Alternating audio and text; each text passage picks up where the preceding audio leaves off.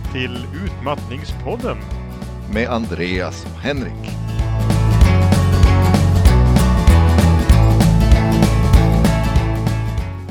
Välkomna tillbaka till Utmattningspodden. Har vi någon plan för dagen? Förra gången så pratade vi väldigt mycket om varför man struntar i varningar och kom fram till saker som att ofta framstår det inte som att det finns val. Vi pratade om flera olika fall, att man kanske till och med har lyssnat på en sån här podd och vet allt om hur man kan bli utmattad och att alla faktiskt ligger i riskzonen som har ett jobb som innebär minsta psykisk belastning.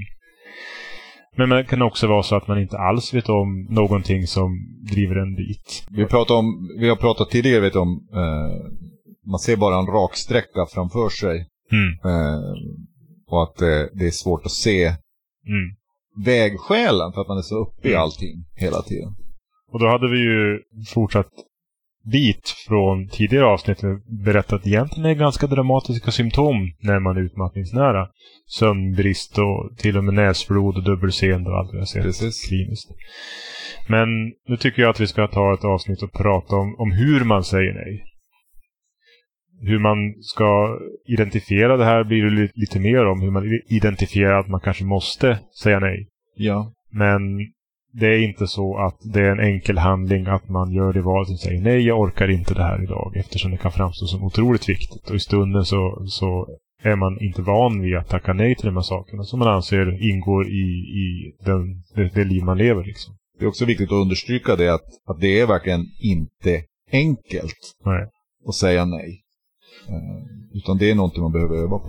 Nej, jag menar bara jag tänker på mitt eget liv så vet jag varför jag har tagit på mig de saker jag har gjort. Och, och jag är ju dessutom psykolog och sådana saker. Så skulle det visa sig att jag har tagit på mig för mycket så blir det ju massa skam och, och, och min första reaktion är väl att göra saker effektivare liksom.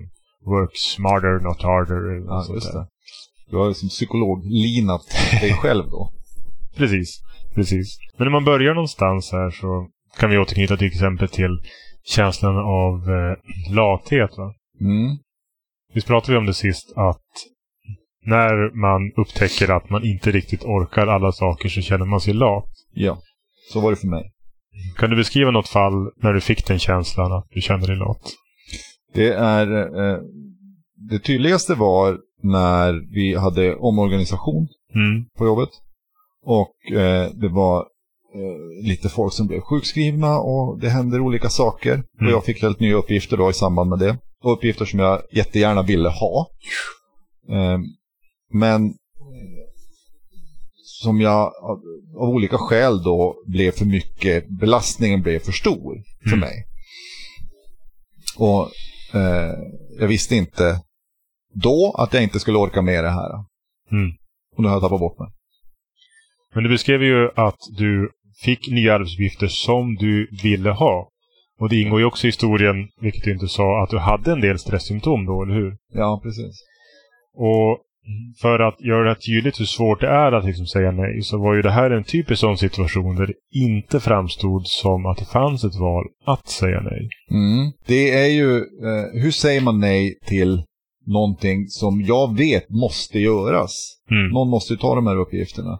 Och hur ska jag säga nej till uppgifter som jag vill ha? Mm. Och som ingår helt i min plan för hur mitt yrkesliv Mm. skulle utvecklas. Och jag såg ju inga möjligheter till att tacka nej till något av det här. Därför att jag Mm. ville inte tacka nej. Mm. Och för arbetsplatsens skull så kunde jag inte tacka nej. Mm. Så det, jag återkommer hela tiden till det när jag har tänkt tillbaka på det. Att jag kunde inte, det gick inte, det var inte möjligt. Då var ju då, men om man tänker sig att du innan du lyssnade på den här podden och du fått en magisk insikt om att det kanske fanns någonting i det här som var extra stressande så kan man fundera på hur man skulle ha gjort. Mm.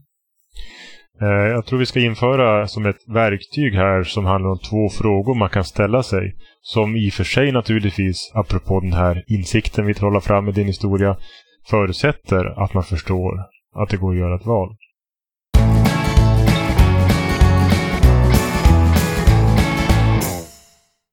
Det här verktyget som jag pratar om, det är två frågor. Det ena är, är det akut att göra det här nya som belastar? Mm.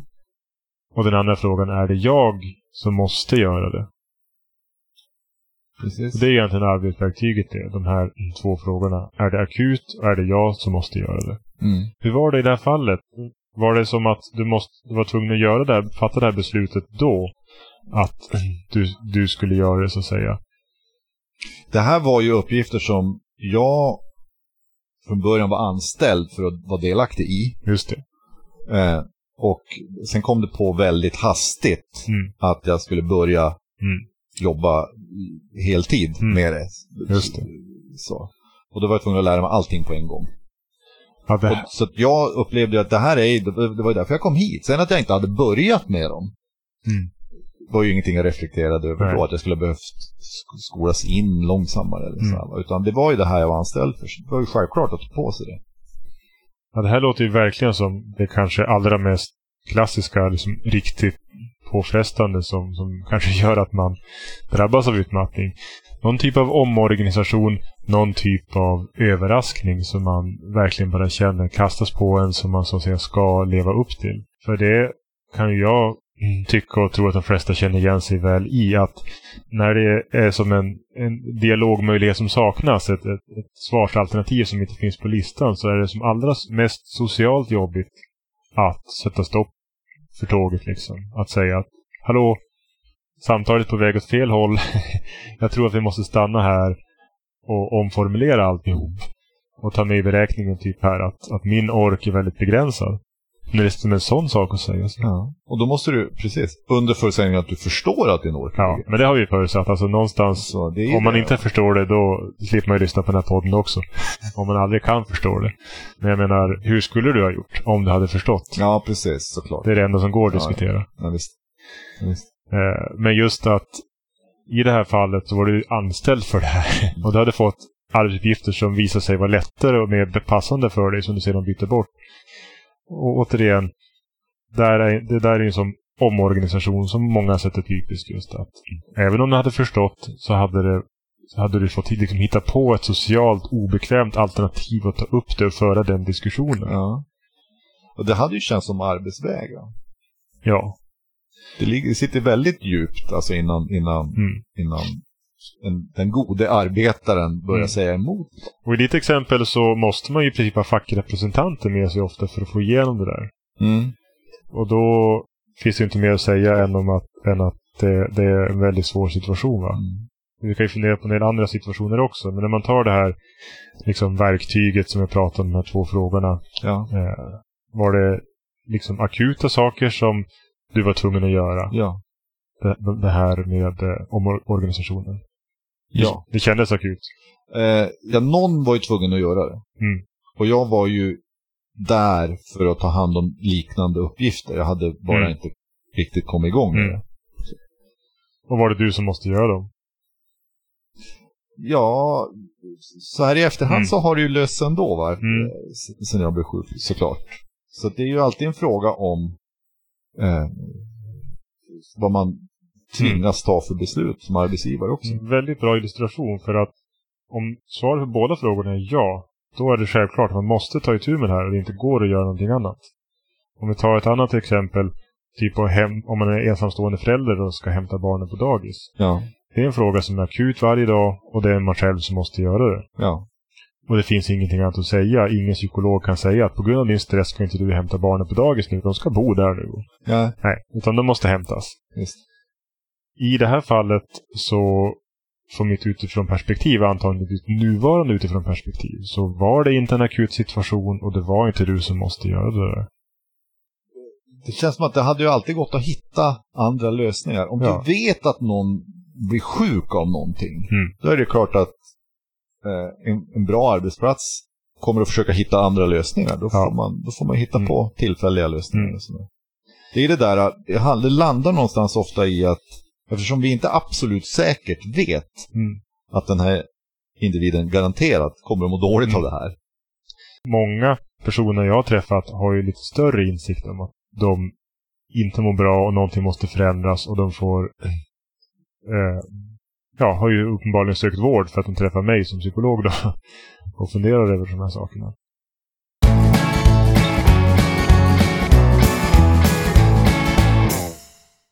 Hur bra städat har du hemma hos dig, tycker du?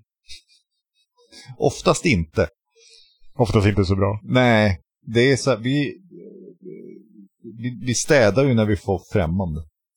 Hur... Så, eftersom jag är från Norrbotten kan jag säga så betyder främmande heller inte att det är folk man inte känner utan det, det kan vara vem som helst. Det är nog på de flesta håll i Sverige så va? Tror jag. Jag är från Västerbotten. List, lita inte på oss ni som inte känner igen er i det här. Eh, men hur som helst. Skulle du tro mig om jag säger att väldigt många människor tycker det är oerhört viktigt att städa på den nivå som de brukar städa just nu. Jag tror att socialt är det oerhört starkt laddat städning. Det ska ju vara rent, i ett, i ett rent hem ska det ju vara Mm. rent. Jag uttrycker mig lite allmänt som den, den nivå de har just nu. För det är lite lurig psykologformulering att folk har ju väldigt olika nivåer av städning hemma hos sig. Men ändå så brukar ju folk känna att den nivå som man brukar städa på är den viktiga att hålla. Ja, precis. Det är väldigt klokt. Det kan vara värt att tänka på det. Jag vet inte hur det var för dig, men innan du drabbas av utmattning och relaterade problem för några år sedan här. Hur, hur kände du då? Var det stressande när det kom hem folk och det var ostädat? Eh, så här, jag har väl alltid tyckt om att rensa upp Mm. sådär. Sen har jag ju inte nödvändigtvis behövt skura golven. Mm. Men jag har alltid plockat undan och sådär. Mm. Eh, Men- gärna, gärna Men frågan, frågan var om du inte hann städa på den nivå som du var van vid, plocka Mm. upp som du nu sa då. Mm. Skulle du liksom skämmas då? Ja, lite i tysthet sådär. Är inte så allvarligt. Eh, Men inte, absolut inte som, jag har ju vänner som s- skulle ställa in. Det är det jag är ute efter här. En typisk sån sak där svaret på båda de här verktygsfrågorna är nej. Alltså är det akut ska jag göra det. Mm. Det är ju städning. Jag menar om man frågar en människa som tycker att nivån på städningen när man får gäster behöver vara hög. En människa som tycker så. Jag ska inte säga att jag är annorlunda än dem. En sån människa skulle känna att det är ganska akut att städa när gäster kommer. Ja. Å andra sidan så har jag frågat många människor jag känner eller träffat i, i kliniskt till och med. Hur skulle du känna om du kom hem till någon som hade det vardagsstökigt där? Mm. Vi talar liksom att det ligger grejer framme lite här och där och det är inte bäddad säng när man råkar snegla in genom sovrumsdörren. Mm. Hur, vad skulle du tycka om den människan då? Mm. Väldigt Mm. många människor skulle tycka att det är ganska skönt. Ja, visst. Ja. Där har vi en sån här typisk fråga som man kan analysera för att fundera hur ska jag få mindre stress, belastning psykiskt i mitt liv? Precis. Och hur, hur kopplar jag det här till verkligheten då? Hur vet jag att... Mm. Är det, är det, vad är det som jag har i mitt huvud? Min känsla Mm. av stress inför det här. Och vad den här hypotetiska gästen då eh, skulle tycka att det var ganska skönt att komma hem till ett, ett sånt Mm. hem. Hur ska, jag, hur ska jag förhålla mig? Ja, det vi pratar om här är ju hur man undviker utmattning på sikt. Ja. att sammanfatta. Och, och det är flera aspekter av det här som kan leda dig närmare utmattning om, om man liksom systematiskt inte får styr på det här. Säg till exempel att det inte fanns någonting att påverka på jobbet. Mm. Att tänka att i grunden är jobbet stabilt, men ändå så orkar jag mindre och mindre på kvällarna. Det, det här är för jävligt liksom. Och sedan vill man ändå ha gäster över, för det är trevligt när de väl är där. Då är ju ofta ett råd till folk jag ger som kliniker när de har de problemen att städa inte. Mm. Det kostar på att städa. Ja. Det tar ork att städa. Utan laga mat som du har tänkt. Det kanske är viktigare om det är en middag man ska bjuda på. Mm. Eller bjud bara på vin och kex eller någonting sånt där som inte Precis. kräver. Det kan jag säga, som vi, det vi har gjort, eh, min fru och jag, är att vi har börjat beställa hem pizza Mm. eh, när vi har folk över. Mm. Nej, men det, det, kändes också lite konstigt första gången. Ja. Men det är, det är också, jag har Mm. vant mig vid detta och inser att då har vi mer tid att vara sociala. Och jag Mm. orkar ju då. Mm. Jag orkar ju vara med och prata på ett helt annat sätt.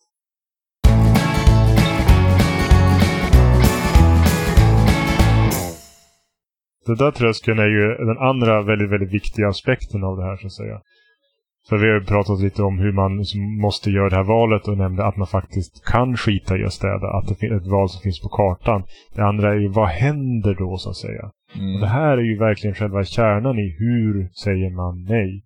Vad kostar det att säga nej? Konsekvensanalys. Och kostnaden är väldigt ofta känslomässig. Ja. Det kan vara så att det finns människor som kommer hem och säger hämtpizza och smuts i hörnen. Jag såg en dammråtta. Dit går vi aldrig mer. Jag kommer att eh, råka vara upptagen nästa gång de ringer. Ja, just det. Då kanske man inte vill ha dem vänner. Ja, det är lite det jag tänker. Ja. Vi får utgå från att den stora kostnaden faktiskt är i ens egen skam och att det känns konstigt som du Ja. uttryckte det.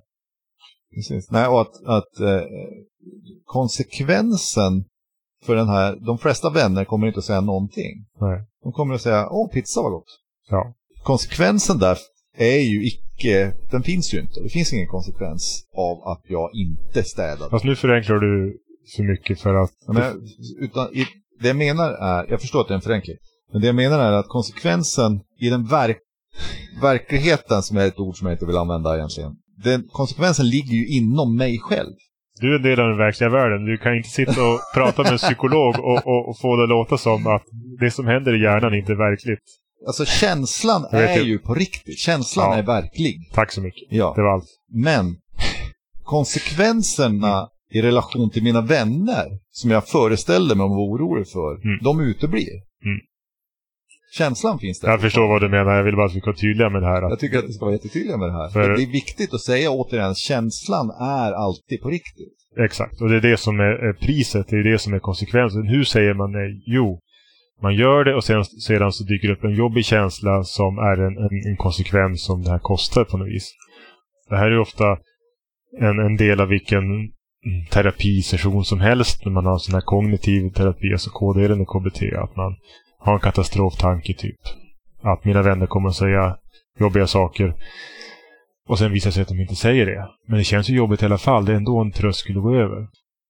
Nu har vi ju försökt fundera en del hur man säger nej. Och det här andra delen, eh, vardagsexemplet, städning liksom. Om man frågar sig, är det akut att städa? Det kanske framstår som det, men det är inte det. För det blir inga fysiska konsekvenser att någon människa mår så dåligt på sätt att man verkligen måste göra det. Alltså är det inte akut. Precis. Om man, så då är svaret på den frågan nej. Är det man själv som måste städa? Visst, visst. Man kanske till och med är ensamstående. Ja, Då är det ju man själv som bara kan göra det. Men det är inte akut. Alltså ska man inte göra det. För det som är akut och det som man själv måste göra, typ arbetsuppgifter som man i alla fall inte kan få stopp på den här veckan. Eller hämta barnen på dagis. Det är det som man måste göra. Och hur man då ska se till att inte bli utbränd handlar alltså om att, eh, som vi pratade om förra gången, att inte strunta i varningar. Mm. Och som vi pratar om nu, att försöka säga nej och, och ta konsekvenserna av det. Och då har vi pratat om ytterligheterna här än så länge. Just eh, jobbomständigheter som i ditt fall var otroligt tekniskt komplicerade när jag pratade att vi kanske måste koppla in facket för att stoppa tåget. ja. Till vardagssituationer där det kanske liksom bara med citationstecken i luften är skam som det kostar. Det var en, en sammanfattning.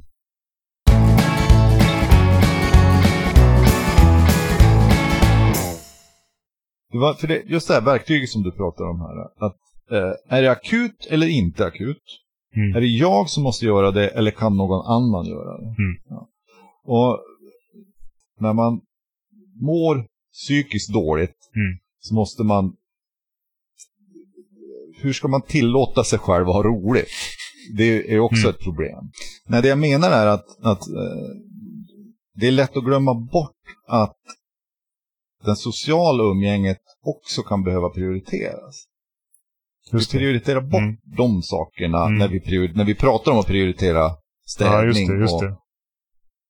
Nej, visst. Det, det svåra i allt det här är att här sitter man och hittar på exempel samtidigt som en, samma omständigheter kan vara otroligt olika belastande för olika människor. Ibland pratar man om till exempel introverta och extroverta. Ja, Där båda antagligen har samma behov av att träffa människor, men det är så att extroverta människor i, i arketypen får kraft av att umgås med människor. Ja. Som laddar upp batterierna så. Medan introverta har samma behov att träffa människorna, men de måste vila efteråt för att de får inte energi av det. nej. Jag vet inte om jag köper att det är jättebra att använda det här verktyget för att fundera på hur, hur akut det är. Utan jag tycker att det du kommer in på här handlar lite mer om om risken för depression och liknande saker. För att det kan bli så att livet blir ganska torftigt om man bara gör det som akut som jag måste göra. I bästa fall så är ju det här bara första kapitlet i en livsomställning som, som leder till att man inte är på väg mot utmattning utan man dessutom också mår bra. Ja. Eh, att man helt enkelt listar ut att det finns en massa saker som jag får för mig att stressa upp mig över på grund av väldigt bra anledningar egentligen. Det är väldigt vettigt att städa liksom. Det kan också vara vettigt med andra saker som engagemang i bostadsrättsföreningsstyrelser och sånt där som, som är väldigt vettigt och på ett sätt är akut. Då, då kan det vara så att striden står om just hur städat ska det vara hemma? Hur eh, mycket ska man tänka på att bilen kanske klappar ihop? Jag klappar den ihop helt så, så får den väl göra det då. För för mig är det ju tydligt att striden faktiskt nog så ofta står om just vardagsstädningen och en del grejer som går att påverka. Jag vet ju utifrån ditt fall att på ett sätt så var det lite ovanligt fram till din utmattning på grund av sköldkörtelsjukdomen. Ja. Eh, och du har ju din skam med lathet som vi varit inne på. Ja. Men för många människor som jag träffar så är det ju som ett tajt nät av förväntningar man upplever på sig själv. En del säger själva att de är duktiga, duktig flicka-syndrom och sånt där. De säger det, har iakttagit det själv, men vet inte hur man ska hitta ur det. Mm. Där har man väldigt lång och omständig omställ omställning framför sig och plocka sönder det där i att inte belasta sig med interna påfrestningar. Mm. Nej, det är svårt. Det är bara för Det- är väldigt svårt att, att säga nej, lista ut vad man ska säga nej till, vad som inte är akut, vad andra kan göra. Om man, Ja. det har vi knappt ens pratat om, men skriver ett eget avsnitt. Hur frågar man andra att göra saker som man själv ska Mm. göra? Ungefär som, Att be om hjälp ja. är ett avsnitt i sig.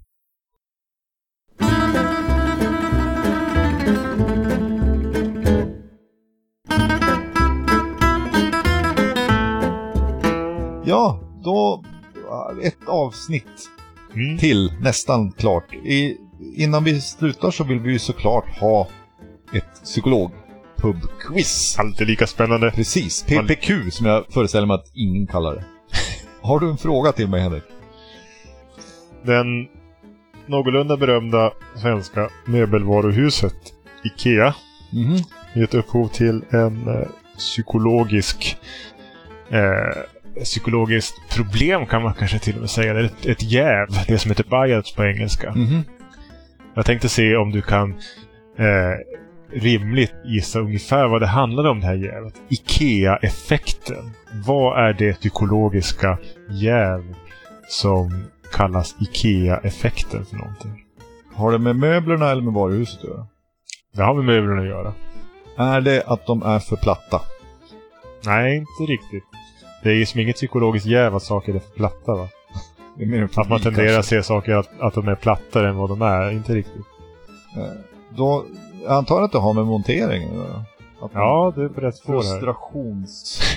Monteringsfrustration, eller svårighet att... Det jag kallar kognitiva jäv, för att förklara det lite, lite lättare så är det kanske möjligare att gissa. Det Ja. handlar ju om systematiska feltänk, så att säga. Ja. Och ytterligare en ledtråd. Eh, om Ikea har någon slags jäv så är det någonting som är i deras fördel, va? Jag säger pass. Okej, det kanske var svårt här också. Någon gång ska jag hitta på lättare frågor. Men idén är att möblerna framstår som att ha ett högre värde än vad de faktiskt har på grund av att man själv hjälper till att plocka ihop dem. Menar du att man uppfattar dem som mer värdefulla för att man har Tagit ihop dem arbetat Ja, precis. med händerna? Ja, det finns många andra exempel på det här förstås, men det är döpt efter Ikea eftersom det ser i ögonen fallande. Ja. Men just att om man låter gästerna hjälpa till lite grann med middagen när de kommer sådär så kanske det känns ännu godare på något vis. Precis. Om man själv är lite delaktig så uppfattar man saker som, som bättre helt enkelt. Vad har du för smart fråga som jag ska försöka gissa? Ja. Eh, vem var Ellen Fries? Du ska få lite ytterligare information här också. Hon levde mellan 1855 och 1900. Blev inte jättegammal. Mm. Var hon Sveriges första kvinnliga pilot, lokförare eller filosofiedoktor? Filosofidoktor. Det är korrekt. 1883. disputerade med bidrag till kännedomen om Sveriges och Nederländernas diplomatiska förbindelser under Karl den tionde Gustavs regering. Minsann. Ja, jag var på. Nationalmuseum igår. Och då var det en gigantisk utställning, eller som ett broderi, flera kvadratmeter stort. Okej. Feminister vill ha det till, såg du där. Men kanske bara hitta på. Vadå, Ellen Fries? Ja, det var väldigt många svenska kvinnor, kvinnorättsrörelsekämpar Ja, som det. broderade faktiskt. Jag gör lite reklam för Nationalmuseum här så vi ändå har så högstående frågor liksom. Mm, Så bra. intressant person verkar det som. Ja, det tycker jag. Och eh, väl värd att, eh, att nämnas. Det Det förtjänar hon. Ja. Tack för idag Arne. Tack, tack Henrik. På utmattningspodden.se hittar ni länkar till allt vi pratat om. Och där finns också kontaktuppgifter och hör jättegärna av er. Och lyssnarfrågor kommer att behandlas i särskilt insatta specialavsnitt. Och musiken som vi har använt i det här programmet är Holiday in Toontown av Texas Gypsies och Coffee av Josh Woodward. Och länk till dem finns också på utmattningspodden.se.